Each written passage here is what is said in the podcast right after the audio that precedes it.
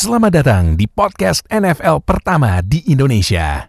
Balik lagi sama gue pada host kalian di Zero Knowledge Podcast Akhirnya udah masuk playoff season Let's go! Dan kemarin Super Wildcard udah selesai Dan udah, berarti udah ada uh, Kemarin yang lolos itu ada uh, Satu, dua, tiga Berarti enam tim 6 tim dari Enam tim Wildcard. yang lolos ya Iya. Karena dua, dua dambai ya Ya, Iya. Jadi kita akan memasuki ke divisional round di hari mulai hari Minggu WIB dan waktunya lumayan bersahabat ya. Ini gue cek eh, jadwalnya. Ya walaupun hari Seninnya ke- terlalu pagi sih ya. Teman ya nggak apa-apa masih enak nontonnya. Tapi ya ini udah playoff. Wah berarti sebentar lagi menuju Super Bowl. Habis itu ya libur 8 bulan. Eh 6 bulan. Aduh udah. Itu emang penderitaan fans NFL gitu. Iya. Seasonnya kuat cepet defense- ya. Seasonnya Iya. cepet tapi ya habis itu liburnya lama. Iya banget lama banget ini Pada, ya padahal makanya tuh ya, gamenya kan nambah satu. Kalau Iya. pada ingat gamenya nambah satu. iya Iya, Iya, padahal tapi gamenya- tetap liburnya tetap segitu. Makanya gue yang salah dari fans NFL itu adalah ya kuat nungguin libur lama. Nah, pas eh, musimnya mulai hype-nya naik lagi otomatis. Nah, eh, bareng sama lagi sama Oka. Dan sekarang spesial ada Amar dari The Amateurs. Eh, dia halo, mau ikutan. Welcome. uh, mereview Super Wildcard ada 6 match kemarin. Jadi uh, nggak pakai lama langsung aja gue mulai reviewnya. Sebelum gue mulai jangan lupa seperti biasa subscribe. Gue konceng sampai subscribe biar kita upload upload notifikasi biar nggak ketinggalan sama NFL di Indonesia. Like comment share video ini. Semua link sosial media kita udah kita tulis di deskripsi video ini langsung aja join semuanya nggak usah malu karena ini udah playoff. Lu kalau ketinggalan playoff satu itu udah ketinggalan kereta jauh. Makanya dah join semuanya.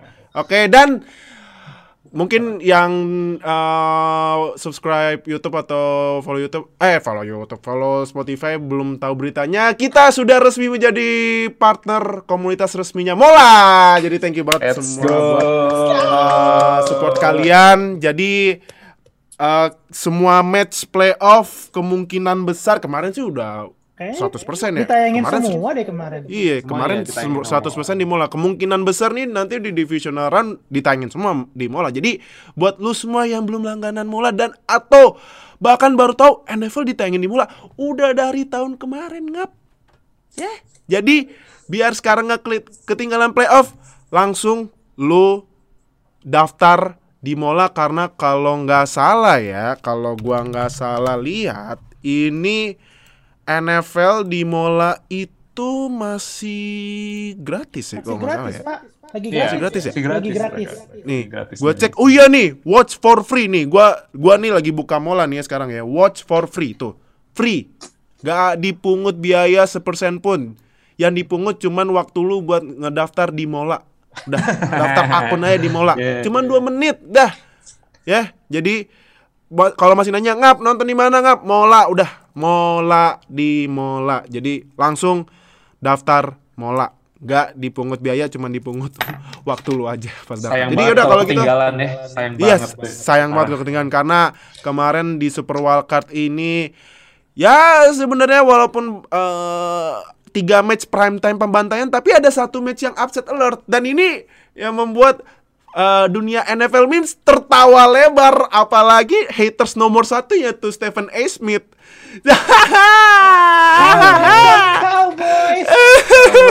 Cowboys. Tapi tapi gue bakal berurutan ya eh, buat nge-review dari pertandingan hari Minggu we, eh, waktu Indonesia sampai kemarin terakhir di pagi hari Senin. Jadi gue bakal bacain dulu skornya.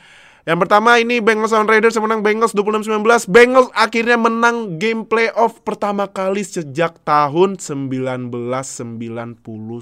Wow. Ini ini Gila ya. Gila. Gue masih inget banget terakhir Bengals main di playoff itu lawan Steelers yang Bengals udah mimpin di awal-awal tiba-tiba implode implode terakhir-terakhir bikin penalti nggak jelas menang kita. Steelers. semua itu gara-gara kontes perfect nih. Kalau gara-gara Fontes Perfect yang hit ke AB itu, yang ya yang sekarang pada bilang City pada sebenarnya kalau ini ya kita kasih tahu lagi City itu nggak bisa didiagnosis kalau orangnya masih hidup, harus kalau orangnya Sudah meninggal. ya amit-amit kalau udah meninggal itu baru ketahuan CTI. Jadi lu kalau ngecengin AB jangan City A City I City A City I, ntar kalau udah beneran eh, itulah ya. Nah, next ini Mungkin Aman mau bereaksi tentang ini ya. Nanti dapat waktunya kan dapat jatahnya. Nanti kan? nanti nanti di Oh, review ya. ada.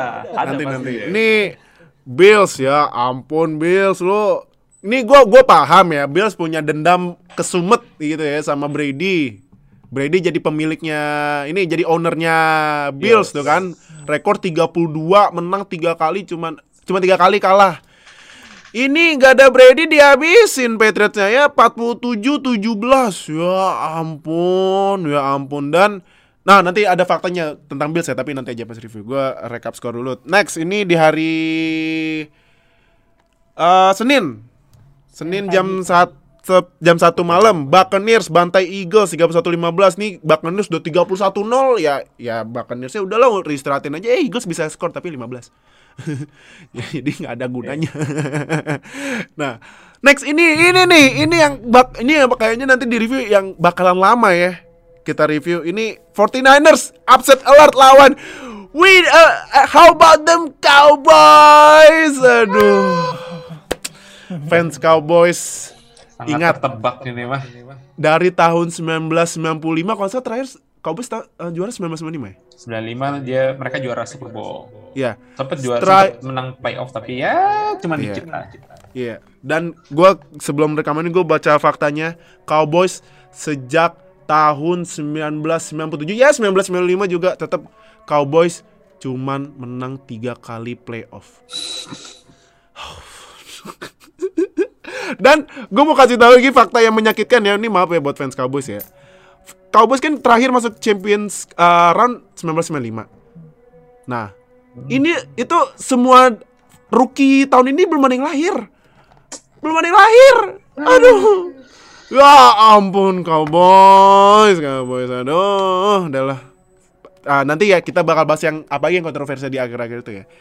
Next ini ya farewell game buat Big Ben. Gue udah bilang nih bakal jadi game pembantaian Ini game pembantaian bener. Ya walaupun awalnya memimpin 7-0 Karena ya offense gak bisa ngapa-ngapain Jadi yang bikin TD pertama defense ya tuh TJ Watt. Demi demi kampanye Diponya tuh. Udah gua aja bikin aja dah. Nih offense gak bisa ngapain Ya udah. Abis itu langsung dibalikin sama Chiefs Jadi 42-21 Ya udahlah mau gimana lagi. Sama terakhir ini Rams ngalahin eh, divisi rivalnya ya Cardinals Kyler Murray diabisin abis-abisan padahal secondary-nya Rams abis loh. Apalagi di safety-nya. Masih aja. Bah- bahkan ini kemarin eh, Rams nge ini ya, nge-sign Eric Weddle udah Eric pensiun. Weddle yang baru pen- yang udah pensiun sekitar 2 tahun yang lalu berarti. Iya, dua tahun lalu di-sign lagi masih nggak bisa juga Kyler Murray eh, ngalahin Rams. Jadi Cardinals kalah 34-11. Aduh, Cardinals padahal terakhir tim yang winning streak paling lama tapi dibabat habis sama Rams. Jadi udah kalau gitu kita langsung mulai pertama ini Bengals on Raiders 26-19. Gue tanya ke Amar dulu, Mar, lu lihat Joe Burrow ini gimana nih?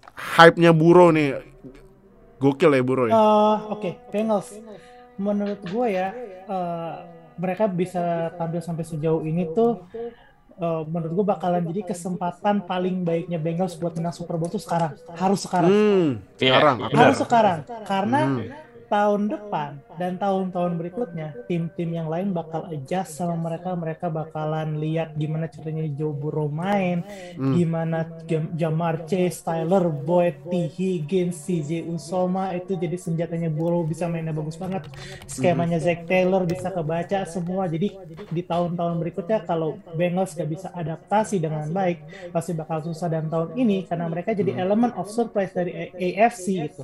Mhm. Ini jadi tahunnya mereka buat menang dan gua ngelihatnya ya eh, walaupun banyak orang bilang eh, pass protection mereka jelek karena mereka draft Jamar Chase gak draft Penny Sewell. Kemudian defense mereka juga aneh gitu. Enggak menurut gua enggak gua setuju sama Fadil enggak enggak kayak gitu. Enggak. Eh, maksudnya Iya. di seperempat minggu pertama NFL eh, pass protectionnya mereka tuh sempat masuk di kayak sepertiga atas gue lupa peringkat 7 atau peringkat 8 gitu defense juga ada Trey Hendrickson terus udah gitu siapa lagi Jesse Bates, Jesse, Jesse Bates Von Bell. Von Bell terus yang linebacker eh, Logan Logan Wilson. Logan Wilson. Logan Nah, Wilson. itu ini side side tracking dikit gue pakai Logan Wilson di fantasinya teman-teman gue yang pakai IDP dan gue sempat menang gara-gara Logan Wilson Jadi Nah, iya. Wah. memang sebenarnya Bengals ini walaupun eh, apa receiving corpsnya dan Joe Burrow yang sangat fantastis di balik itu of uh, pro- pass protection, run protection dan juga defense-nya juga underrated. So it's now or never mission win now for Joe Burrow. Gitu sih. Ah, Oke, oke, oke, ya karena ya gue sebagai eh, rival divisinya Bengals yang disapuin ya, disapu bersih sama Bengals ya, gue gue jujur gue gue seneng liat Joe Burrow main, cuman ya ya lihat aja tim gue kalau nggak misalnya nggak nggak tahu cari penggantinya Big Ben, udah lah lagi-lagi dihabisin kali sama Bengals Itu yang buat yang, musim depan. yang, fa- yang fake slide fake slide tuh yang dari Pittsburgh siapa? QB-nya? Kenny Pickett. Pickett. Kenny Pickett bisa kali? Apa kejauhan dia? Ah, gua nggak tahu bisa nih. Eh, kemarin gue nonton Good Morning Football kata Ian Rapoport katanya front office Steelers udah, udah ini udah perhatiin Kenny Pickett dari lama. Nah, gua nggak tahu. Cuman kalau gue baca dari forum-forum Steelers ya mereka maunya dan gue juga maunya persen OL karena OL-nya amburadul astaga ya Ya, ampun. sih. jadi jadi jadi emang ya kalau gue sih gue maunya maunya invest OL dulu dah. Bisa ntar kalau masukin Kenny Pickett Kenny Pickett masuk OL-nya kayak gitu kasihan. kan dengan investnya OL juga kan akan membantu Najee Harris secara run play-nya Nah, lebih itu. terbuka juga. Gitu itu. Iya, karena iya. karena menurut gua memang sa- udah saatnya eh, offense Steelers udah harus dibangun Around buat Najee sih buat Harris, Najee. ya. Buat Najee, buat Najee karena Najee di rookie seasonnya aja bisa finish keempat di rushing yards dengan OL yang sebapuk itu keren sih menurut gua Najee. Nah, eh Kak Raiders ah Derek Carr nih debut game sebenarnya ini gini ya, gue kasih tau dulu. Sebenarnya Raiders itu sempat masuk playoff tahun 2016 tapi Derek Carr cedera. Ya, itu itu sebenarnya benar-benar kesempatan emas buat Raiders buat juara Super Bowl juga. Kayak Iya sih. kata kayak kata Amar yang bilang kalau Bengals musim ini adalah kesempatan emasnya buat mereka. Sedangkan Raiders kesempatan emas itu adalah 2016 ketika Derek Carr itu lagi MVP season, terus juga ada Amari Cooper sebagai weaponnya dan defense-nya dipimpin sama Khalil Mack, Khalil Mack. linebacker kesayangan Amar juga. Itu itu benar-benar kesempatan yang terlewat sih. Walaupun ya sebenarnya karena circumstances-nya juga sih karena Derek Carr-nya sempat cedera, terus QB2-nya juga sempat cedera. Dan Mereka main lawan tim gua Wild- di Wild Texans. Cup, lawan Texans, itu dengan QB3. Jadi ya emang itu ya nggak bisa disalahin juga sih, karena emang nature-nya injury. Tapi kalau pertandingan ini itu Derek Carr didn't play his best game. karena dengan 29 kali completed dan 54 uh, passing attempt, 310 yards dan 69.2 pass rating itu nggak menunjukkan kayak biasanya kita bilang Derek Carr bukanlah yang biang keroknya loh buat Raiders. Tapi sekarang kayak ini adalah ketika Derek Carr lu lagi underperform ini lagi debutnya dia tapi malah uh, dia bikin crucial interception di uh, detik-detik terakhir fourth down.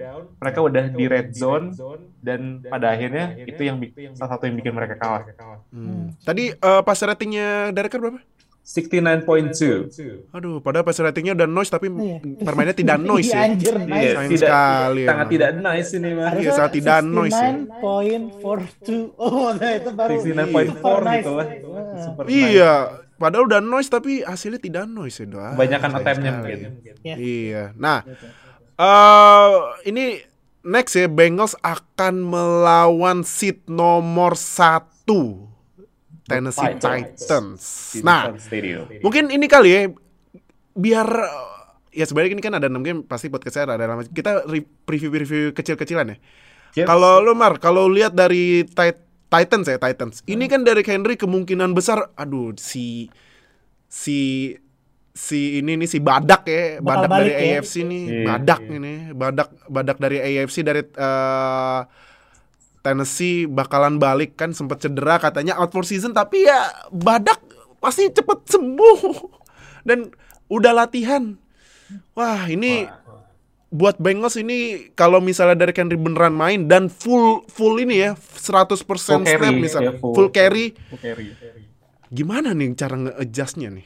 Eh, Oke, Titans ini memang dari awal dari awal musim bergulir semenjak mereka sempat sukses eh, masuk ke AFC Championship Game di tahun lalu apa dua tahun yang lalu ya? Dua tahun yang Dua lalu. tahun yang Dua lalu. tahun. nah, Dua tahun. memang seakan-akan sudah merencanakan bahwa eh, offensive game mereka itu bakalan lewat dari Henry walaupun yang dikasih uh, kontrak extension itu Tannehill ya, dari Henry-nya dikasihnya uh, apa franchise tag ya. Iya, franchise Uh, tag. tapi Sebenarnya juga udah sorry, gue potong dikit. Dia udah dapat extension sebenarnya. oh, Oh, baru Henry udah dapet ya? udah dapat Udah ya? dapat extension. Oke, oke. Jadi dua-duanya udah dapat. Oke, lanjut. Cuman kan tapi awalnya gitu kesannya Iya. agak-agak ada ketidakadilan lah injustice. But anyway, Iya. ke depan akan tetap eh, offense-nya Titans ini kan jalan sama eh, apa mengedepankan Running eh, game run run game-nya dari eh, dari Kerry. Eh, di luar itu juga, gue ngelihatnya nih Titans ini kayak nggak bisa mengutilisasi weapon-weapon mereka sebaik dua eh, satu dua musim yang lalu. Eh, AJ Brown eh, sempat cedera tapi pas balik cedera pun dia nggak bombastis. Eh, Julio Jones Bust of the Year, setuju apa enggak? I think it could be, ya. Bukti ya. Menurut menurut menurut gue ya, sorry. Uh, gue potong. Menurut gue ya yang pas Julio Jones ke Titans kan hype-nya wow ini gila Iya. duo AJ Brown, Julio Jones apaan? Nah, itu dia. Eh, cederaan. They spent second kayak- round on Julio Jones. Hy- hype-nya gede, tapi secara eh, apa diterjemahkan ke dalam statistik, ke dalam hasil itu nggak ada hampir nihil. Kemarin juga pas cedera kan sempat ada kelimpungan, cuman di di satu satu game, satu dua game gitu ketika mereka lawan Titan, eh ketika mereka lawan Bills, ketika lawan Chiefs gitu mereka bisa menang. Tapi lawan ini Texans, Oka pasti udah tahu lah gitu. Ya, satu Apa? kalah, satu lagi susah payah. Iya. Iya, kan? benar, Gitu. benar, benar, benar, Benar, benar. kayak secara konsistensi ini tim tuh ada masalah gitu walaupun dari Henry balik dan nanti offense-nya bakal balik lagi eh, dijalanin berdasarkan eh, dia dan berputar di arah dia gitu gue masih tetap yakin Bengals yang menang sih sorry banget nih Oh, tetap Bengals yang menang. Bengals Bengals ya. Bengals Bengals Iya karena karena menurut gue ya, Titans weaponnya nih, aduh gue gue terakhir nonton Julio sama AJ Brown sehat bareng kapan ya? nah itu dia itulah Like maybe only one or two games sih kayaknya. Iya satu itu dua game kan Dua makanya game gue doang. gue bingung kapan terakhir ya. Gue di gue sering nontonnya. kayak di awal-awal pekan deh Dil di week 1 atau week 2 dan di week 1 itu kalah sama Cardinals dibantai habis 13-13 Iya. Nah itu makanya jadi ya kalaupun main berdua juga gamenya kayak gitu seringnya juga ya AJ Brown dan doang yang main Julio Jones doang yang main malah lebih banyak dua-duanya nggak main Hmm, Iya. Iya kan benar. nah nah kalau lu kak dari kalau misalnya lihat dari Titans nih Titans apakah ud- kalau mi- ya ini ini ya um- kalau misalnya dari Henry udah full recovery apakah balik lagi ke template uh, 70% Henry lari 30% Tannehill lempar apa gimana Kalau Henry healthy, fully healthy, jelas pasti akan uh, offense-nya bakal run through deh. Uh, di Rhino of the NFL ya, the badak. The badak. to the king. Iya, bener-bener the last king gitu loh kan. Yo, Iya, iya, nickname-nya. iya Karena menurut gue, kalau misalkan Henry nggak bisa eh, nggak dapet full carry dan nggak fully healthy, itu Tannehill bener-bener rawan akan bikin kesalahan karena sedikit eh, perfect dikit dalam beberapa dalam sekitar 8 pertandingan terakhir kayaknya Henry itu cedera di pertandingan lawan Rams bukan ya? Lupa antara itu ya di tengah-tengah deh. Gua Kayaknya sebelum Rams deh. Gue gue masih kayak sebelum Rams deh. Abisnya pas lawan Rams, kalau nggak salah itu running backnya Adrian Peterson. Oke. Ya, kayak se- kalau salah sebelum Rams, kalau salah sebelum Rams. Dan Tannehill itu setelah eh, tadi berarti lawan Colts atau Rams berarti Iya. Itu rekor mereka sebenarnya nggak jelek-jelek amat ya. Ada eh, lima enam tiga atau lima tiga tergantung dari kapan dia ah, absennya. Tapi tiga kekalahan itu adalah ketika Tannehill banyak banget bikin turnover dan offense-nya juga banyak banget bikin fumble. Jadi kita harus perhatiin juga apakah Derek Henry ini benar-benar full healthy karena itulah kunci dari offense Titans. Dan gue merasa kayak Titans nggak bisa, ya benar kata Amar tadi, nggak bisa utilize weapon nomor duanya. karena AJ Brown nggak bisa kerja sendiri. Dan WR2-nya itu kemarin ketika Julio Jones juga bisa uh, absen lama, siapa paling ya ini? Chester Rogers, Nick Westbrook ikan. Nick Westbrook, ah itulah yang namanya penyemut Ah, itu. gue mau nambahin. Kan sebenarnya tujuannya ini kayaknya ya berdasarkan analisis gue ya tujuannya Titans itu ngambil Julio Jones itu karena kan Julio Jones itu prolific route runner walaupun udah tua. AJ Yes. Brown dari dua musim terakhir itu selalu disasar jadi deep target. Ya dia kayaknya mau kayak dulu si- di di Metcalf di Ole Miss gitu. Jadi ada satu sama dua. Kalau dulu kan eh, di Metcalf yang jadi deep nah sekarang mungkin mau coba AJ Brown yang jadi deep gitu. Nah si Julio cedera. Terus udah gitu kan berarti AJ Brown sendiri Eh, karena road runningnya AJ Brown nggak sebagus banyak road runner lainnya jadinya nggak efektif terus kayak gitu cedera juga mungkin itu tuh penyebabnya tuh jadi, eh, jadi plannya Titans tuh sebenarnya kayak gitu tapi nggak kejadian gitu sih kak mungkin gue nambahin Hmm. Oke, good point sih. oke, oke, oke. Kita eh, next ya, next match ini. Gua aja sampai. Jadi eh, mungkin cerita dikit ya. Kemarin itu kita eh, menggelar nobar. Bareng. Cuman nobarnya ini nggak kita ini ya. belum nggak kita, belum kita umumkan, belum kita belum kita umumkan karena kita testing dulu ya kan. Jadi kan ka- ya masih banyak kasus pandemi yang kita tahu itu. Jadi kalau misalnya kita sebar takutnya kan over ya kan. Jadi kita tes dulu nih buat nobar ternyata kita tes masih juga rame ya ya nobar. Karena kita sudah skip di tahun 2021 buat nobar kan? Full. Skip banget. Skip. Full. ada yang nobar. Skip. Sekalinya datang sama aja nontonnya kayak nonton Tarkam ya. Ramenya jadi eh ya jadi kan nanti buat di division orang ada match hari Minggu pagi ya kan? Nah nanti kita infoin lah ya kalau misalnya ada nobar. Nah tapi ini infonya cuman eksklusif buat kalian yang ada di Lana Pecat. Ya.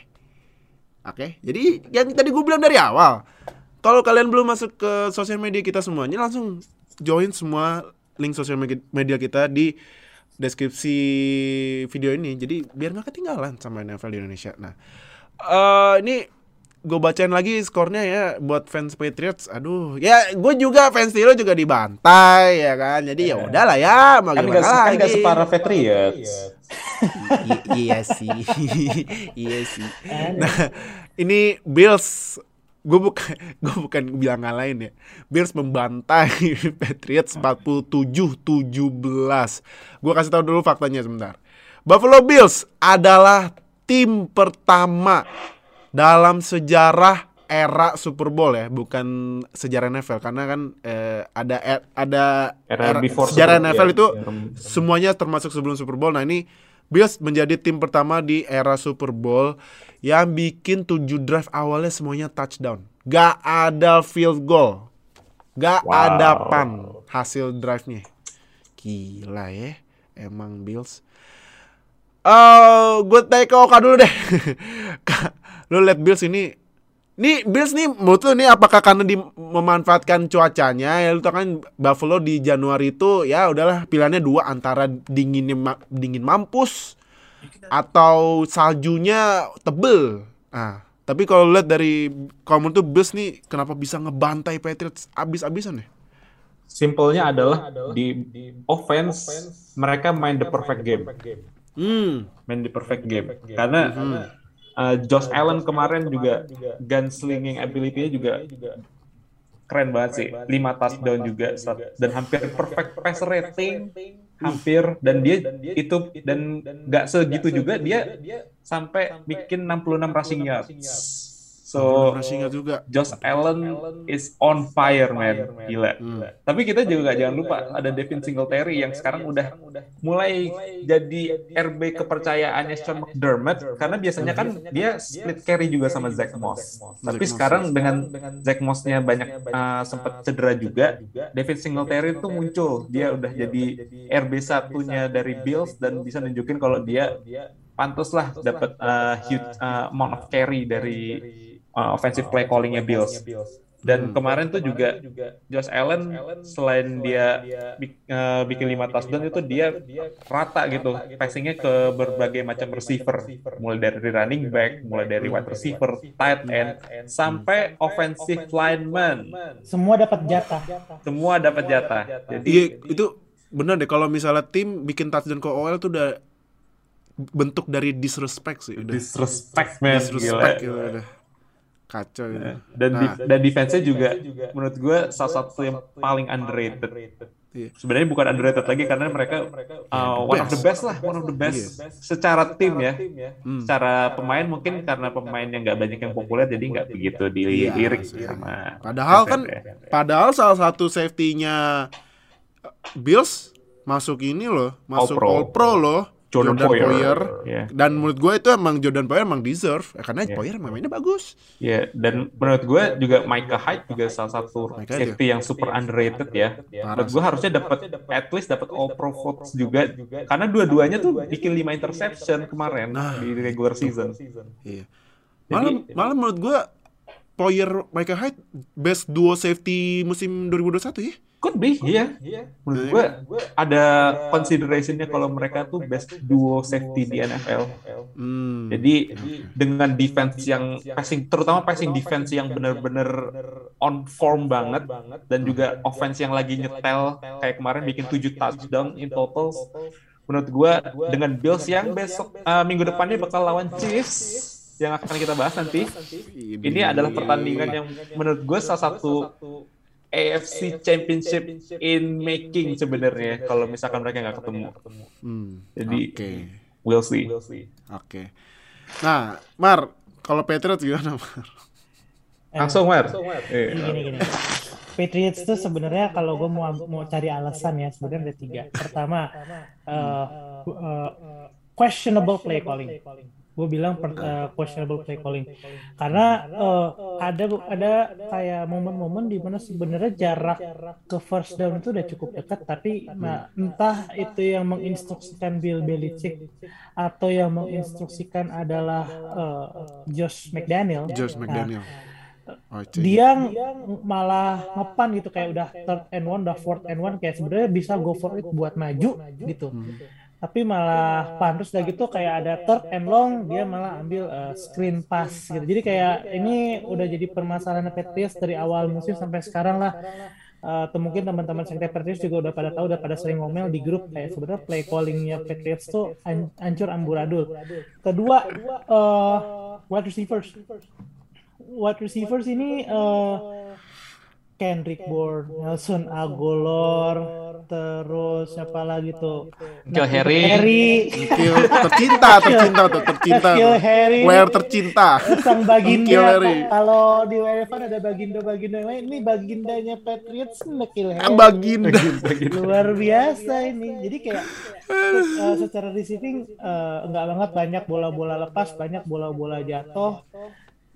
Dan jadinya ya nggak jalan aja gitu. Tadi pagi teman-teman sempat eh, teman-teman gue di TA pada sempat ngomong kayak ini kalau misal Odell Beckham pindah ke Patriots pasti hasilnya nggak akan sejelek ini. Well mungkin tetap kalah, tapi nggak akan kalah di bantai.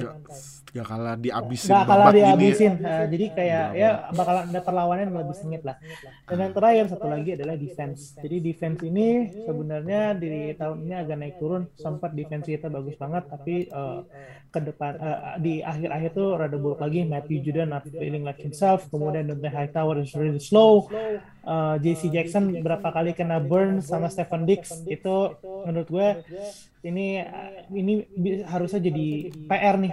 Jadi PR buat Patriots. Tapi di balik ketiga alasan gue tadi eh, yang paling utama dan paling paripurna menurut gue adalah memang eh, Patriots eh, secara menyeluruh kalah kelas sama Bills. Bills. Eh, kayak kata Oka dia play the perfect game on both ends ya.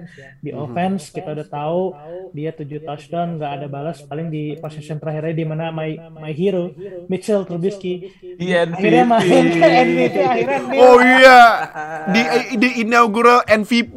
Iya. MVP pertama kali. inaugural MVP akhirnya kan dia akhirnya tetap eh, main nil ya, jadinya nggak nggak touchdown gitu Eh, Terus kayak gitu di defense juga tadi Oka juga mungkin udah sempat mention soal Micah Hyde sama Jordan Poyer, tapi menurut gua di sisi depan front four juga galak sih. Si EJ Epenesa rookie itu kan EJ Epenesa. Eh, second second. Eh, Sophomore, sophomore. sophomore ya? Sophomore. Ya? EJ Penesa itu sophomore. Sophomore ya? Oh iya. iya. Oke, sih ya, I think, eh, the young players ya EJ Epenesa, kemudian Ed Oliver, Ed Oliver gue inget tuh tahun ketiga atau tahun keempat tuh ya dia. 2019 first rounder ya dia. Nah, itu dua-duanya gokil tuh mainnya. Maksudnya kayak berapa kali bikin pass rush yang bikin sulit uh, offensive lineman-nya Patriots. Jadi kayak memang di dua sisi Bills main dengan sangat baik. We were outclassed, we were outnumbers in uh, beberapa snap. Jadi kayak kelihatannya double double coverage mulu, salah play calling maybe, I don't know. Jadi kayak ya memang uh, it's a deserving win. It's a deserving win for the Bills. Tapi terakhir buat review match ini. Ya uh, menurut lo ini match ini buat ya bahasanya bahasa tua banget ya. Pembentukan mental, pembentukan mental Mencari Mac Jones kan? ya, mencari pengalaman. Iya mencari pemben iya mencari pengalaman sama pembentukan mentalnya Mac Jones ini buat jadi buat uh, ke depannya. Kan Oh, ya kan kalau di playoff ini kan yang WR rookie cuman Mac Jones. Uh, iya, ya, Eh QB rookie, maaf quarterback. rookie. Ya, tuh, ya QB tentunya lah pasti. Soalnya eh, dari awal juga Mac Jones ini eh, rookie quarterback yang paling solid, paling bagus ya. Eh, secara performa dia bisa eh, carry the team, dia bisa eh, act like leader walaupun secara umur masih muda dan dengan datangnya dia ke playoff menghadapi lawannya seperti ini dia akan banyak belajar, dia akan banyak menyesuaikan dan dia tuh orangnya kalau dilihat di satu tahun terakhir tuh kayak nggak neko-neko. Kalau kelihatan dulu sebelum masuk Patriots sudah banyak kan cengenges, ngerokok, sigar gitu. Hahaha, gue juara di Alabama. Tapi pas masuk Patriots kayak dia udah mengerti the Patriot way kayak gimana udah kayak Patriot way. udah disetel, udah ditun gitu sama uh, Bill Belichick tuh. Ya, I think uh, walaupun kalah, gue sebagai fans Patriots tetap yakin sih uh, ke depannya pasti Patriots bakal bisa bersaing lagi walaupun mungkin belum langsung menang kayak sama Tom Brady ya gitu. Let- Let's not be too optimistic, but I think the the path, the, the path down the road is going to be a good one. Gitu. Oke, oke, oke, oke, oke. Kita ke next match ya. Ini Buccaneers sama Eagles yang menang Buccaneers 31-15. Ya, nih mah ya We predicted. Iya, udah sangat diprediksi ya. Ini yang tadi gue bilang nih Buccaneers juga udah sampai third quarter 31-0. Iya. Ih, terakhir-terakhir 15. Ngepur aja sebenarnya. Iya, jadi ini kayaknya review juga bakal cepet. Jadi eh, kalau lu dari Kak gimana Kak kemarin? Pas Iya. lu lihat highlightsnya atau misalnya nonton full game. Untuk Buccaneers sih mungkin khawatirnya ada dua sekarang. Ah, apa dah? Pertama, apakah uh, mereka bisa udah dapat WR kedua yang bisa Oh, iya. nge-complement Mike Evans? Oh iya. Karena mungkin aja Rob Gronkowski nggak akan dapat 7 sampai 10 target uh, in uh, setiap match ya, setiap match. Hmm. Tapi uh, pertanyaannya itu apakah wide receiver kayak Tyler Johnson, Brashad Perryman, Scotty Miller itu bakal dapat target yang cukup banyak. Hmm. Karena Brady jelas nggak akan cuman nge-prefer sama satu receiver doang. Iya. Jadi Mike, uh, Mike Evans kemarin dapat 9 catches dan 117 yards, satu touchdown juga. Hmm. Tapi itu uh, Brady nggak akan terlalu berfokus kepada satu receiver aja, tapi akan coba untuk spread the ball pada akhirnya. Nah, siapa tuh yang bakal ngambil spotnya dari Chris Godwin? Bukan AB ya, gue nggak ngomongin AB, gue ngomongin Chris Godwin. Masih ai. ya, karena juga kemarin kan eh, sebenarnya yang yang nangkep touchdown pas AB ngamuk-ngamuk kan siapa namanya? Cyr- Cyril Grayson. Terry Grayson. Kemarin si Cyril Grayson out kan? Iya. Nggak main. Nah, Oh, itu jadi out, out. Sama Ya, mungkin satu tuh? satu lagi untuk Tampa Bay Buccaneers adalah mungkin gue agak khawatir sama pass protectionnya karena kemarin Oh. Brady kena 4 sacks dan cukup mengkhawatirkan aja karena next game itu mereka bakal lawan Rams Uh, duh, iya Rams lagi. dengan Aaron Donald, dengan Von Miller, dengan Leonard Floyd. Aduh. Jadi pass protection mungkin mereka coba akan regroup di satu minggu ini sebelum melawan Los Angeles Rams. Jadi itu oke. mungkin concernnya. Oke.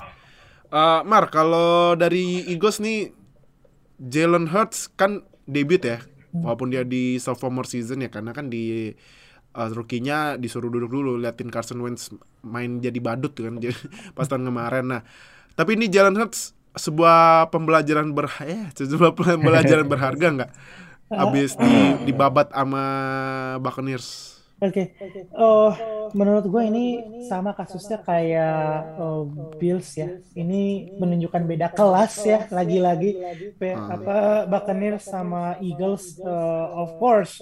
the Eagles will learn from it. Tapi memang dari awal menurut gue tuh Eagles bisa masuk playoff itu they're, they're a bit lucky karena mereka bersaing di divisi yang sebenarnya Nggak begitu kompetitif stabil, ya. tidak begitu kompetitif. Uh, Oke, the, the Cowboys did really well. Maybe we'll talk about that later gitu ya. Tapi kan lawan-lawannya kayak WFT, mereka masih perlu quarterback. Kemudian Giants well, Bing Bong, Bing bong, aduh, bing bong, bing Eh, bong. aneh lah gitu Giants udah gitu kayaknya mereka sempat uh, curi-curi menang lawan uh, beberapa musuh yang AFC East ya tuh. AFC ya AFC kan Si sempet- Is ya tiba-tiba. dapat AFC East kayak ketemu Jets, ketemu Miami gitu.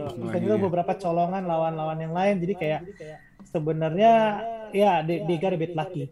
Yang menurut gue bakal bisa lebih kasih lawan eh, yang lebih sulit gitu ya, kasih perlawanan yang agak susah itu kalau misalnya Saints yang masuk. Tapi kan kalau nggak salah Eagles menang lawan Saints di regular season.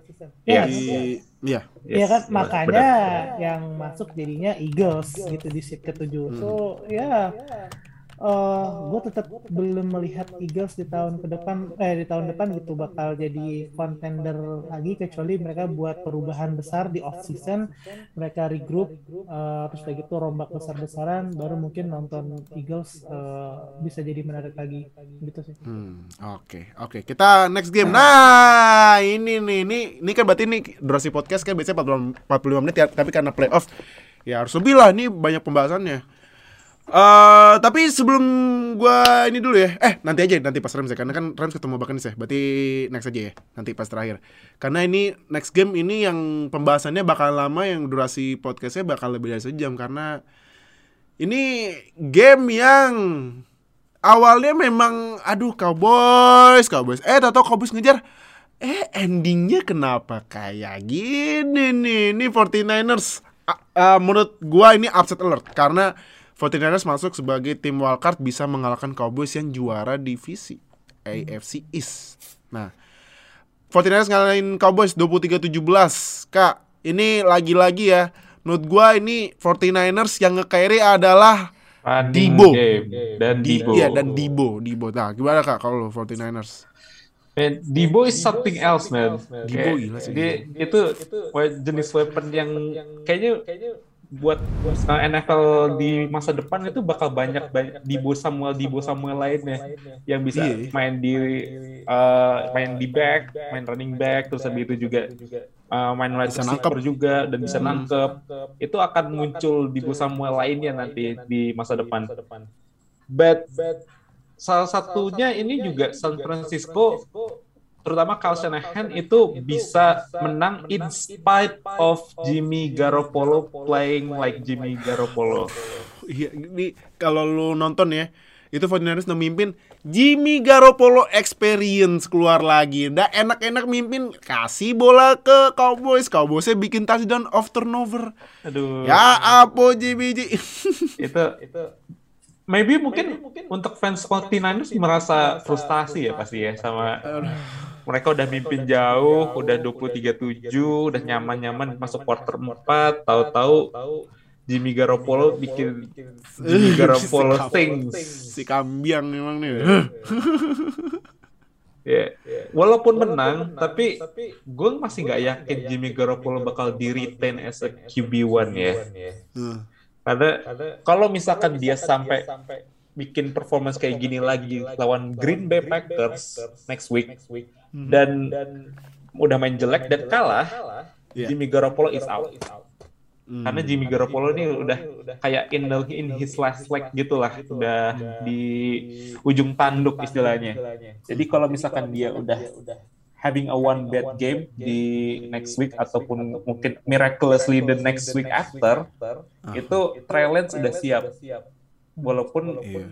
dalam performance-nya dalam rookie season ini Trey Lance nggak begitu impresif, tapi I think Kyle Shanahan bakal berani untuk pull the plug. Hmm, iya. Hmm. Apalagi kan kemarin pas draft ngambil Trey Lance, 49ers nge-trade semua aset buat ngambil ke Dua first round picks Iya. um, yang untuk uh, ke depannya sama first round pick mereka sendiri yang iya, buat naik. Hmm. Terus ambil Trey Lance. Uh, jadi emang udah pertanda itu ya pas ambil dari Tre- ambil Trey Lance dulu ya. Iya. Eh, Mar, nih Widem Boys gimana? Gini, Ka- Cowboys eh, itu mm, menurut gue ya. Jadi ini sepanjang regular season tapi ya. Sepanjang regular season adalah salah satu tim yang paling kuat dan tim yang paling komplit di NFL. Like like it or not, mereka mereka tuh di offense sempurna, di defense juga sempurna. Kalau nggak salah ada statistik yang kayak mereka nomor pertama Oh. di apa? berta- Ingat Iya. nggak? Defense-nya Ah, itu iya. adalah number one di takeaways. Iya, sama Cowboys itu tim pertama yang pas QB-nya bikin passingnya 4000 yards, WRS 1000 yards. Nah, Uh, defense-nya pemain ada 10 sack, ada 10 pas Interception. sama satu lagi gue lupa ada gitu. Ya, 10 sacksnya kan dari Micah Parsons, 10 interceptionnya dari Trevon Diggs. Nah, Yes. jadi kayak sebenarnya secara kualitas pemain mereka punya semua, mereka jago gitu. Hmm. Eh, kayaknya eh, ngelawan siapa aja bisa gitu, bukan sesuatu yang mustahil lah gitu. Dan eh, di akhir-akhir jelang akhir-akhir pertandingan itu ya mereka tunjukin ya mereka ber- berhasil memanfaatkan ke Jimmy Garoppolo aneh Jimmy Garoppolo gitu sampai akhirnya sempat mengejar sampai ke dua tiga tujuh belas ya yang paling kemudian mungkin kita bisa masuk ke eh, pembahasan eh, soal QB draw di apa Nah. yang terakhir itu yang Nah. bikin Ya. eh, dia ja- eh, apa namanya jadi nggak bisa am- maju lebih eh, jauh lagi karena kan ya Iya. alih-alih ngambil play call yang mungkin lebih eh, konvensional gitu yang lebih safe dia malah QB draw. Dan sebenarnya menurut gue ya QB draw itu bisa dilakukan asal Dak Prescott itu langsung cepat-cepat slide pas dapat first down. nggak lari sejauh mungkin. Kan yang penting first down dulu slide langsung spike the ball. sesuaikan Hmm, kalau tadi kan dia larinya eh, kalau gue lihat tuh dia larinya tuh agak jauh dulu gitu nyari nyari dekat dulu. Kak. Kak, tapi kan dia nggak lihat tuh waktunya berapa lama. kalau misalnya dia sempat uh, slide langsung uh, regroup and reset lagi itu bakal bisa dapat kasih waktu dan mungkin uh, Cowboys bisa dapat one last play yang bisa bikin menang mereka. cuman ya in the end well it's the Cowboys what do you Iya. ya dan gue kasih tau faktanya fakta yang lain ya. Ini Cowboys ya ampun penaltinya. Buset banyak banget. Nih Cowboys kayak- penalti kalau nggak salah 14 itu juga kali. hampir set the record for most penalties in one position game bukan sih? 14 kali penalti lo nih emang nggak nggak disiplin banget Cowboys kemarin. Nah it, eh, kak kalau lu nih gue tanya lu ya kayak Yes. kan a- pas selesai match kata Mike McCarthy kata Dak Prescott katanya wasit tuh emang dasar. Kan abisnya kan di akhir-akhir kan kelihatan wasitnya kan dia buru-buru lari tapi langsung nabrak Dak Prescott sama senternya kan buat naruh bola. Ya kan? Iya. tapi kalau pak menurut gua ya salah Dak. Karena kan ya lu gini loh lu udah diajarin dari dari lu pertama kali main football setiap play selesai kasih bola ke wasit ini kenapa play udah selesai malah kasih ke center nah itu buat salah. naruh bola itu salah itu juga salah tadi. Itu juga Iya. salah satu fuck bingung. moment sih. Iya. Iya, nah kalau lu kak, kalau lu nih kak, gue kan kita kan eh, sempat post ya yang kontroversi itu ke Instagram dan banyak ya banyak yang bilang Dak salah, tapi ada juga yang bilang wasitnya ngelawak ya kan. Kalau lu kak si- siapa yang salah sih sebenarnya nih? Ya, kalau misalkan yang wasit nabrak deck itu ya sebenarnya football incident aja sih kayak sesuatu sesuatu kayak gitu tuh bisa terjadi. Kebetulan aja emang ya waktunya adalah ya lagi krusial krusialnya ya kan. But overall kalau misalkan spot the ball itu jelas adalah Deck's fault. Hmm, Itu adalah kesalahan dari Deck. Emang sudah udah peraturan dari sananya untuk lo harus kasih bolanya ke ref buat uh, ngeriset the play. At least lo dapat uh, spike dan bisa langsung at least Hail Mary dapat lah Hail Mary time gitu. Hmm, hmm. So, ya ber- menurut gue itu lebih kayak uh, Deck having like a brain fart moment aja sih. Kayak Hmm. emang lagi bingung dan lagi panik dan situasinya lagi crunch time banget beberapa detik dan no time out. Jadi itu bisa kejadian. Ah. Nah, eh terakhir ya gue mulai ke Amar ya Mar. Eh, itu kan kemarin Mike McCarthy bilang yang QB draw itu adalah keput apa keputusan play yang tepat ya kan? kata Mike McCarthy karena kan ya gue ya gue sih ngar- nganggepnya Sorry, ya, what? disuruh iya kata Mike McCarthy ini itu play yang ben, ben- tepat bener. Nah ya tapi kalau gue sih nganggepnya ya ini kali disuruh sama PR kali ya. Tapi kan nggak tahu ya kan? Nah menurut lo nih menurut lo tuh Mar Dak dengan gak ada timeout satupun sisa udah tinggal 10 detik QB draw. Kan tadi lu sempat bilang kan seharusnya kan ya seharusnya Dak larinya nggak usah jauh-jauh lewat lewat garis first down dikit aja. Udah langsung slide terus kasih bola ke wasit taruh bola snap langsung spike kan biar Hmm. selesaiin waktu eh stopin waktu kan. Tapi yang gue mau tanya konteksnya ini buat QB draw. Dengan gak ada timeout satupun QB draw itu keputusan yang tepat gak buat Eh, Cowboys. Oke, Seben- sebenarnya banyak ya play yang lain yang bisa diambil ya gitu. makanya Banyak ya, lo bisa set up apa eh, inside zone, lo bisa set up eh, screen pass atau maybe eh, set up kayak Ohio spacing atau levels gitu yang nanti ngarahin ambil receiver paling luar kan itu bisa buat ngabisin eh, waktunya gitu. Cuman menurut gua QB draw tetap bisa dilakukan. Bukan sesuatu yang sepenuhnya salah walaupun banyak pilihan lain yang mungkin bisa memberikan hasil lebih baik. Cuman kalau lu mau melakukan QB draw, eksekusi lu harus benar. Lu nggak boleh nggak disiplin, lu harus tahu wasit di mana. Lu harus lar, eh, tujuan lu apa? First down terus udah gitu matiin waktu kan, berhentiin Hmm, waktu. spike. Lu harus spike at- karena nggak punya touch, eh, karena nggak punya timeout gitu. Ya lu Yes. lari, lu lewatin first down ya, terus udah gitu ya udah lu kasih ke wasit, lu, you do your business and you get the job done. Kalau nggak kayak gitu nggak bisa. Jadi menurut gua kalau Mike McCarthy mau bilang eh, QB draw eh, play yang tepat ya silakan ya sah saja karena sebenarnya bisa dilakukan kok. Tinggal balik lagi eksekusinya kayak gimana. eksekusinya Hmm, Yes. oke. Oke. Oke nah next ya kita eh, bahas buat calon lawannya 49ers nih. Seat pertama Green Bay Packers. 49ers akan bertandang ke Frozen Tundra. Ih bakal di seru nih. Lambeau Field. Yang lu tahu kalau Lambeau Field bulan Januari udah kayak Buffalo dingin pak. Nih kalau orang Indonesia ke sono ya masuk angin apa tolak angin tuh berapa box itu disiapin? Wah, kacau. mau kacau. lapis 5 juga kagak bakalan bisa itu. Nggak masuk angin. Kayaknya jualan wedang jahe di situ kayaknya laku ya. bisa kali ya wedang jahe bisa tuh Iya, nah eh, kalau lu kak eh, dari Green Bay dulu nih. Green Bay ini game plan-nya gimana nih buat lawan 49ers karena kalau nggak salah Green Bay sama 49ers ketemu nggak sih di regular season eh ketemu nggak ya Tahun lalu ketemu. Ya, musim ini kayaknya enggak. Musim ini musim ini kayaknya nggak ya ya kan Nggak. nah kalau kalau dari lu gimana nih buat Packers game plan-nya buat melau buat menghentikan Dibo Mus Dibo deh, Dibo Hmm. karena nih Dibo emang Dibo. mengerikan ya run, run play-nya ya.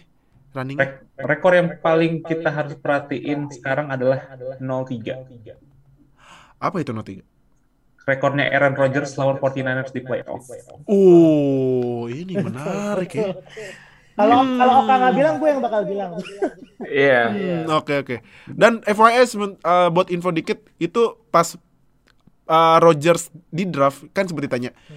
uh, gimana uh, reaksi Anda kalau misalnya Anda tidak di draft sama tim jagoan Anda 49ers? Kata Packers ya mereka ya ya layak ya mungkin mereka bakal nyesel gitu dan ya Packers-nya juara tapi Rodgersnya nggak pernah ngalahin 49ers di playoff. Jadi gimana kak buat Packers nih buat mengalahkan eh 49ers biar like, kembali ke championship round kayak tahun kemarin. If the Frozen Tundra balik as uh, as usual di bulan Januari, mereka pasti bakal banyak utilize their running game. Karena menurut gue running game mereka musim ini tuh lebih kuat dibandingkan ketika mereka terakhir kali lawan 49ers di playoff tahun 2019-2020. Mhm. Itu yang Dengan- NFC Champion- Championship game ya? Ya, itu NFC Championship game yang 49ers menang, masuk Super Bowl, kalah sama Chiefs. Dan menurut gua dengan sel- dengan adanya RB lebih dari satu yang bisa uh, ambil heavy carries, selain ada Aaron Jones juga ada ada AJ Dillon. menurut gua ini akan jadi advantage lebih buat Packers ya karena dengan frozen tundra dan angin yang cukup kencang itu pasti Packers dan juga Matt LaFleur bakal coba utilize the running game more dan Aaron Rodgers but uh, when he when we needed him dia bakal deliver uh, as usual. cuman mungkin 49ers sekarang kan juga sedang uh, on form juga kan mereka. Jadi ini bakal per jadi pertarungan running game lawan running game sih. Karena 49ers juga bisa utilize their running back kayak Elijah Mitchell dan juga put Debo Samuel di bagian di running back. Jadi ini akan jadi pertarungan running game antara kedua tim yang sebenarnya sih aslinya mereka traditionally adalah pas uh, tim passing ya sebenarnya. Cuman dengan kondisi frozen tundra di bulan Januari, menurut gue mereka bakal lebih banyak make running game mereka untuk untuk next week. Hmm. Oke, oke. Uh, Mar, kalau lu buat 49ers nih, gimana cara menghentikan uh, Packers deh? Gimana cara ngentin Rodgers ini? Dah.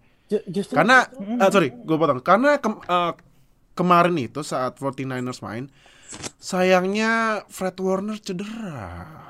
Tuh, salah satu linebacker Yeah, topnya kata, kalau nggak salah dia cederanya non contact injury kalau salah.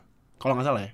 Iya, Gue sempet jadi denger non non atau contact, beritanya non Non-contact. contact. Gue lupa cederanya apa. Oke, gue gue sambung ya Dila. Jadi eh, sebenarnya gue buat defense sih justru gue nggak gitu khawatir soal 49ers soalnya memang secara defense menurut gue pribadi they can do better than uh, the Packers gitu ya. Uh, Nick Bosa oh, walaupun nggak ada uh, bakalan nggak ada Fred Warner tapi Nick Bosa kan sepanjang musim setelah dia balik cedera mainnya gila-gilaan dan mungkin jadi kandidat comeback player of the re- of the year juga gitu. Hmm, Nick Bosa. ya. Eh, terus udah gitu ya. eh kalaupun nanti misalnya defense can work, I think gue juga bakal setuju sama Oka. They can take the Packers to a shootout uh, lewat running game. Uh, I mean Kyle Shanahan sam- uh, itu uh, coach yang bisa utilize uh, running game yang benar-benar uh, inilah apa namanya full of trickery, kemudian uh, sangat efektif. Kita lihat perjalanan mereka dari tahun 2019 ke Super Bowl itu uh, mereka kan bisa melesat jauh karena uh, pakai running gamenya dan kadang-kadang si running game itu sendiri diselipin jadi decoy buat play action yang efektif. Targetnya sekarang buat play action ada lu bisa pilih uh, George Kittle, uh, kemudian ada Debo Samuel. Kalau misalnya Debo Samuel nggak lining up as a running back atau Brandon Ayuk dan uh, itu tiga-tiganya itu uh, kalaupun bukan jago banget adalah re- at least respectable uh, target man gitu. Mereka pasti uh, bisa diandelin ya di, di berbagai situasi. Sedangkan untuk skema running uh, siapa pun running backnya selama lu di, main di bawah Kyle Shanahan and the 49ers they can uh, they can always do well gitu. Pasti bisa bikin uh, sakit lah uh, lawan lu gitu. Jadi uh, gue ngerasa uh, this is going to be a really fun match. This is going to be uh, a, a match that worth watching lah menurut gue dan mungkin gue akan coba usahain biar NFL Fans Indonesia bisa ada nobar lagi nih. Karena ini pasti Hmm, bakal Nice. Itu. Iya. Jadi eh, karena Packers lawan 49ers mainnya hari Minggu pagi nanti kita info. Cuman ya lagi-lagi gue bilang in- info nobarnya eh, spesial buat kalian di line open chat aja. Yes. Jadi eh, ke- lagi-lagi untuk ketiga kali gue bilang join. langsung join semua sosial media kita di deskripsi video ini karena udah playoff lu ketinggalan satu aja udah ketinggalan jauh ya jadi aja langsung ya udah nggak usah. Iya. lama-lama kalau lu belum belum punya line langsung download line dah langsung download line buruan oke eh kita oh berarti ini next Chiefs lawan Steelers yang menang Chiefs 42-21 nih padahal gue gua gua gua ngikutin panutan gua aja urinating three. We are gone to Super Bowl. Tapi ya gitu lah ya. Ya gitu lah ya. Kalau gua ya mungkin nih gua pasti Steelers ya. Ah, Nah, Steelers, Steelers, tapi ada yang mau ditanya dulu ada yang mau ditanya dulu ke gua buat Eh, Steelers. dari eh, mungkin langsung aja kali ya bener. Terus Oh, langsung aja ya? Oke. langsung aja. Ah ya Steelers lu lihat lah ini udah nih ya Steelers 9 week beruntun gak bisa bikin skor satu pun di first quarter. Aduh, gua gua gue udah gue udah bingung lagi offense-nya bilang apa ya walaupun dia bilang Big Ben masih ada bensinnya nggak ada udah habis udah habis bener udah gitu kan ya belum lah ya uh, instant emotionnya sti, apa Steelers Nation kan Big Ben harusnya udah pensiun dari tahun kemarin. Ya seharusnya sih seharusnya benar seharusnya ikutin Marcus Ponce aja pas yang selesai match Browns itu kan yang dibantai juga. Dan ya ya Big Ben mainnya iya gue gue sempat baca ada yang bilang ini salah Matt Kanada. Oh coba gue bilang gue bilang bukan salah Matt Kanada. Emang playbooknya itu nggak cocok sama Big Ben karena emang Big Ben ini udah nggak selincah dulu. Nah playbook Matt Kanada ini harus QB yang lincah gitu. Jadi nggak cocok sama Big Ben nah makanya jadi ya menurut gua ya Steelers bisa masuk playoff dengan QB-nya udah nggak bisa gerak se kayak dulu. OL-nya hancur. Offensive coordinator baru, tahun pertama. Itu 9 bisa masuk playoff menurut gue itu keajaiban sih buat Steelers. Gue aja kaget gimana caranya masuk playoff nih. Coba kemarin seri ya Chargers lawan Raiders ya. Nah, uh, buat defense ya lagi-lagi gue bilang uh, cornerbacknya memang ya mau gimana mau lawan Tyreek Hill yang larinya kayak kayak maling kenceng banget gak bisa kejar. Makanya touchdownnya banyak yang ada satu touchdown kan kalau saya touchdown kelimanya kan yang Tyreek Hill sendirian tuh di pojok. Nah, jadi Yes. ya cornerbacknya hancur, inside linebackernya apalagi ya ampun itu Chiefs explosive playnya dari run playnya banyak banget Yes. karena ya inside linebackernya nggak bisa ngapa-ngapain itu fans Steelers udah pada bilang Devin Bush bust iya iya mau gimana lagi gue nggak mau bilang alasan abis cedera ACL nggak nggak mau Ya, mainnya jelek Padahal yang main Jerick McKinnon, bukan Clyde Edwards. iya Jerick McKinnon loh bukan Clyde Iya, Edwards iya, Helaire iya. loh Padahal yang RB-nya bukan RB satunya aslinya mereka. iya makanya bukan bukan ini bukan Iya. McKinnon jadi ya ampun gua ah bu- apa deh gua banyak PR-nya deh buat Steelers karena di draft nanti juga setelah draft GM-nya Steelers bakal pensiun tuh si Kevin Colbert. Jadi ibaratnya nih ya ini udah 2022 2001 ke 2022 ini udah transisi totalnya Steelers deh. Nah, itu jadi ya gue harapan terakhir gue buat musim ini semoga aja TJ Watt menang Dipoy deh. Kalau nggak kan gue bakal ngamuk sengamuk ngamuknya ngamuk. Kalau nggak menang Dipoy kemarin tuh TJ Watt udah defensive touchdown. Udah kasih touchdown buat Steelers. Kalau nggak musim juga nggak menang Dipoy gue nih emang komite NFL nih ada yang kurang ajar ya. Nah ah, ada Rick nih emang Rick. Nah terus kalau buat Chiefs-nya deh eh, kak dari lu nih Chiefs gimana?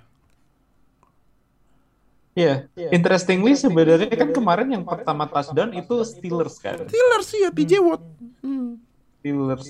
Jadi Chiefs ini juga sempat eh, lambat panas juga. Quarter satu mereka banyak eh, terutama Mahomes juga banyak Bikin interception ada lagi? turnover turnover.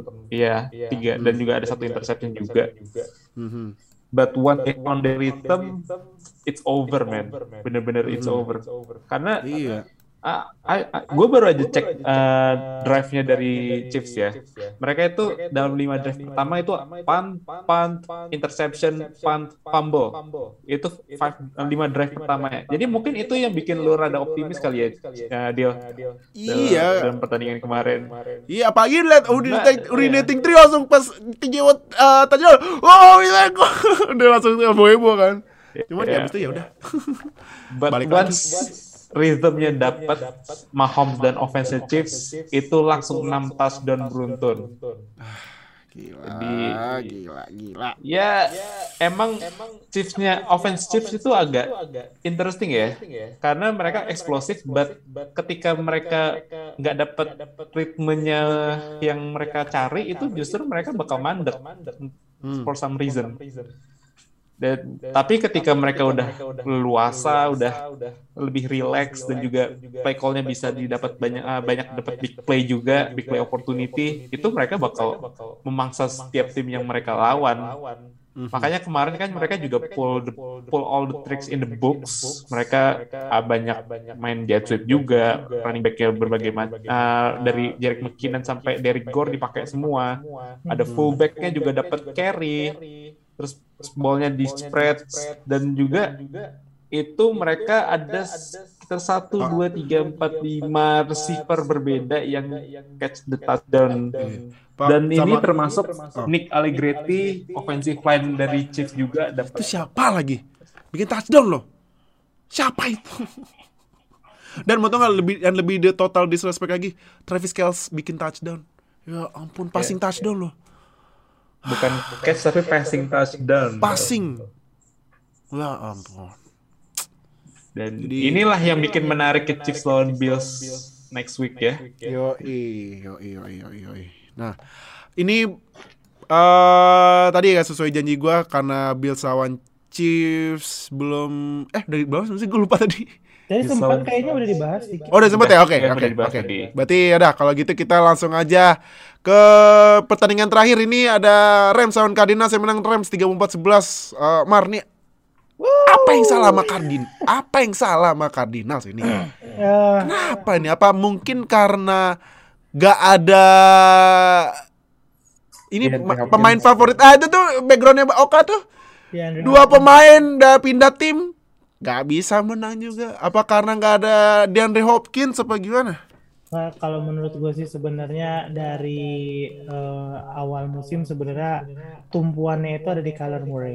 Jadi kayak eh, ada di Andre Hopkins ataupun enggak Kyler Murray yang harus step up menurut gue.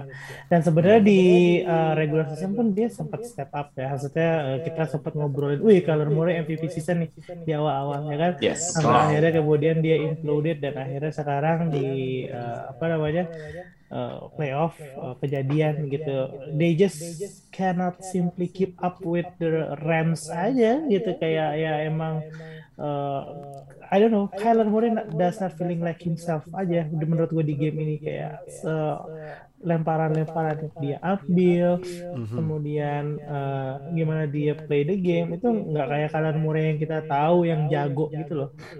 Mhm. jadi ya gua sih sebagai fans netral ya kecewa lihat karena gua ngarepnya game ini bakal seru.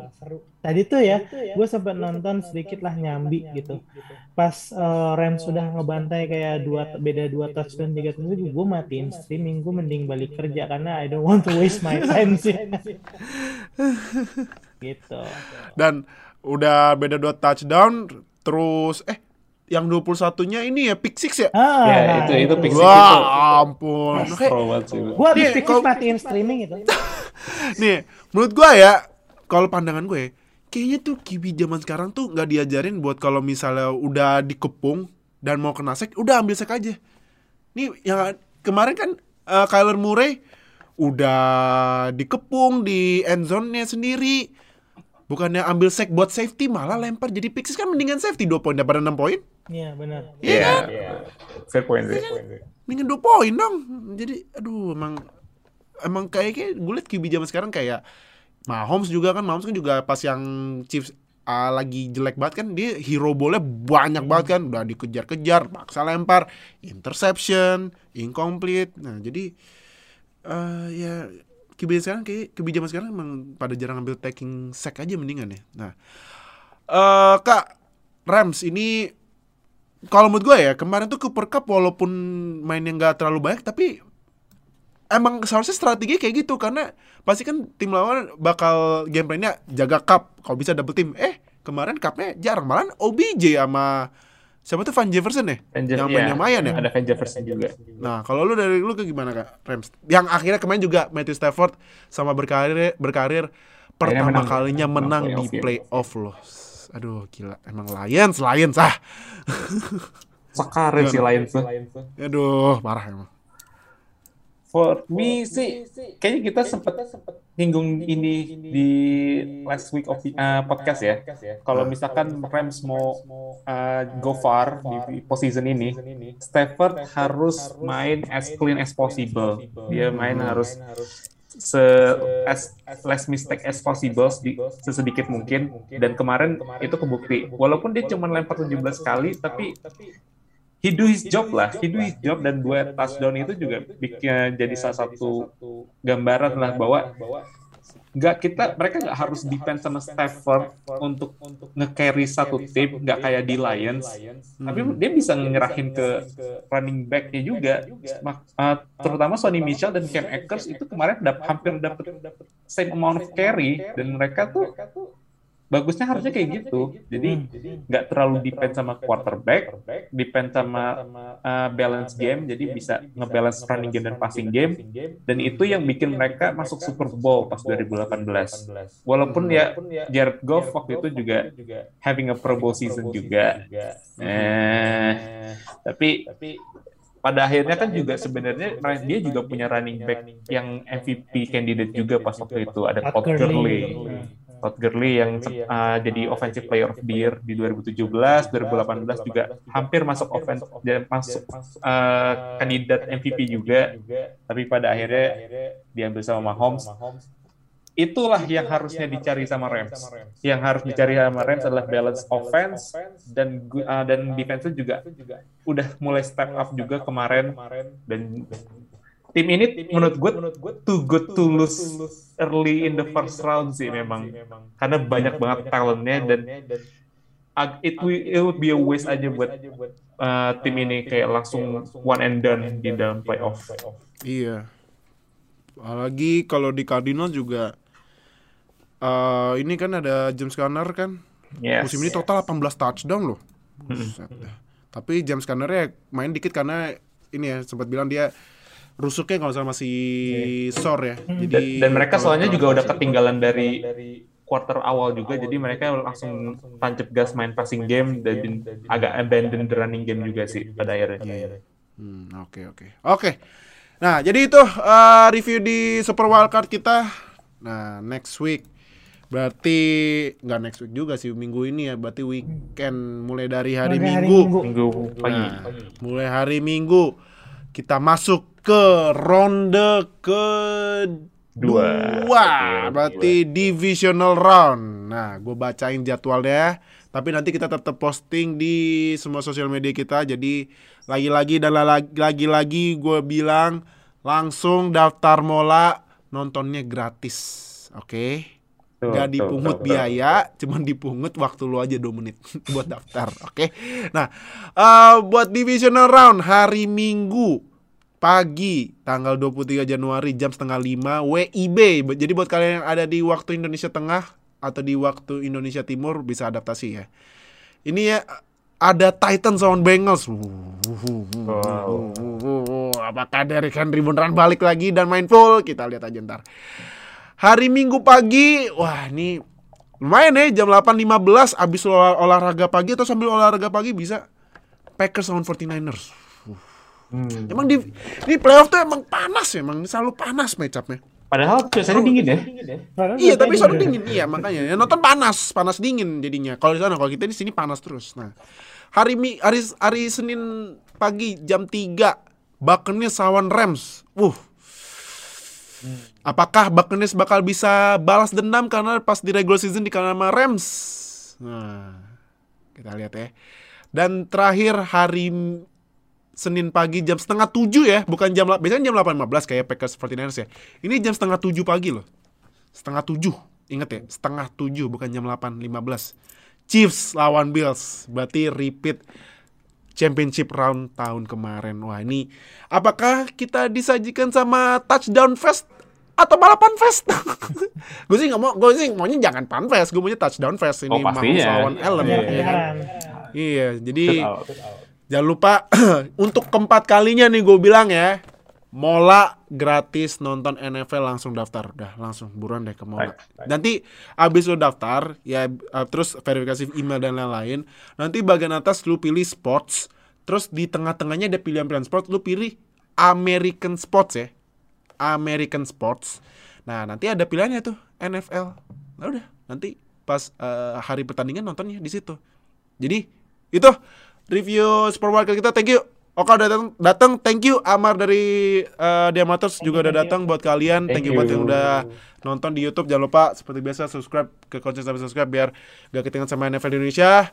Like, comment, share video ini yang dengerin audio only di Spotify, follow kita biar dapat notifikasi pas kita upload. Jadi thank you udah nonton. See you di divisional round review ya. Dadah semuanya. Thank you. Bye. Terima kasih telah mendengarkan podcast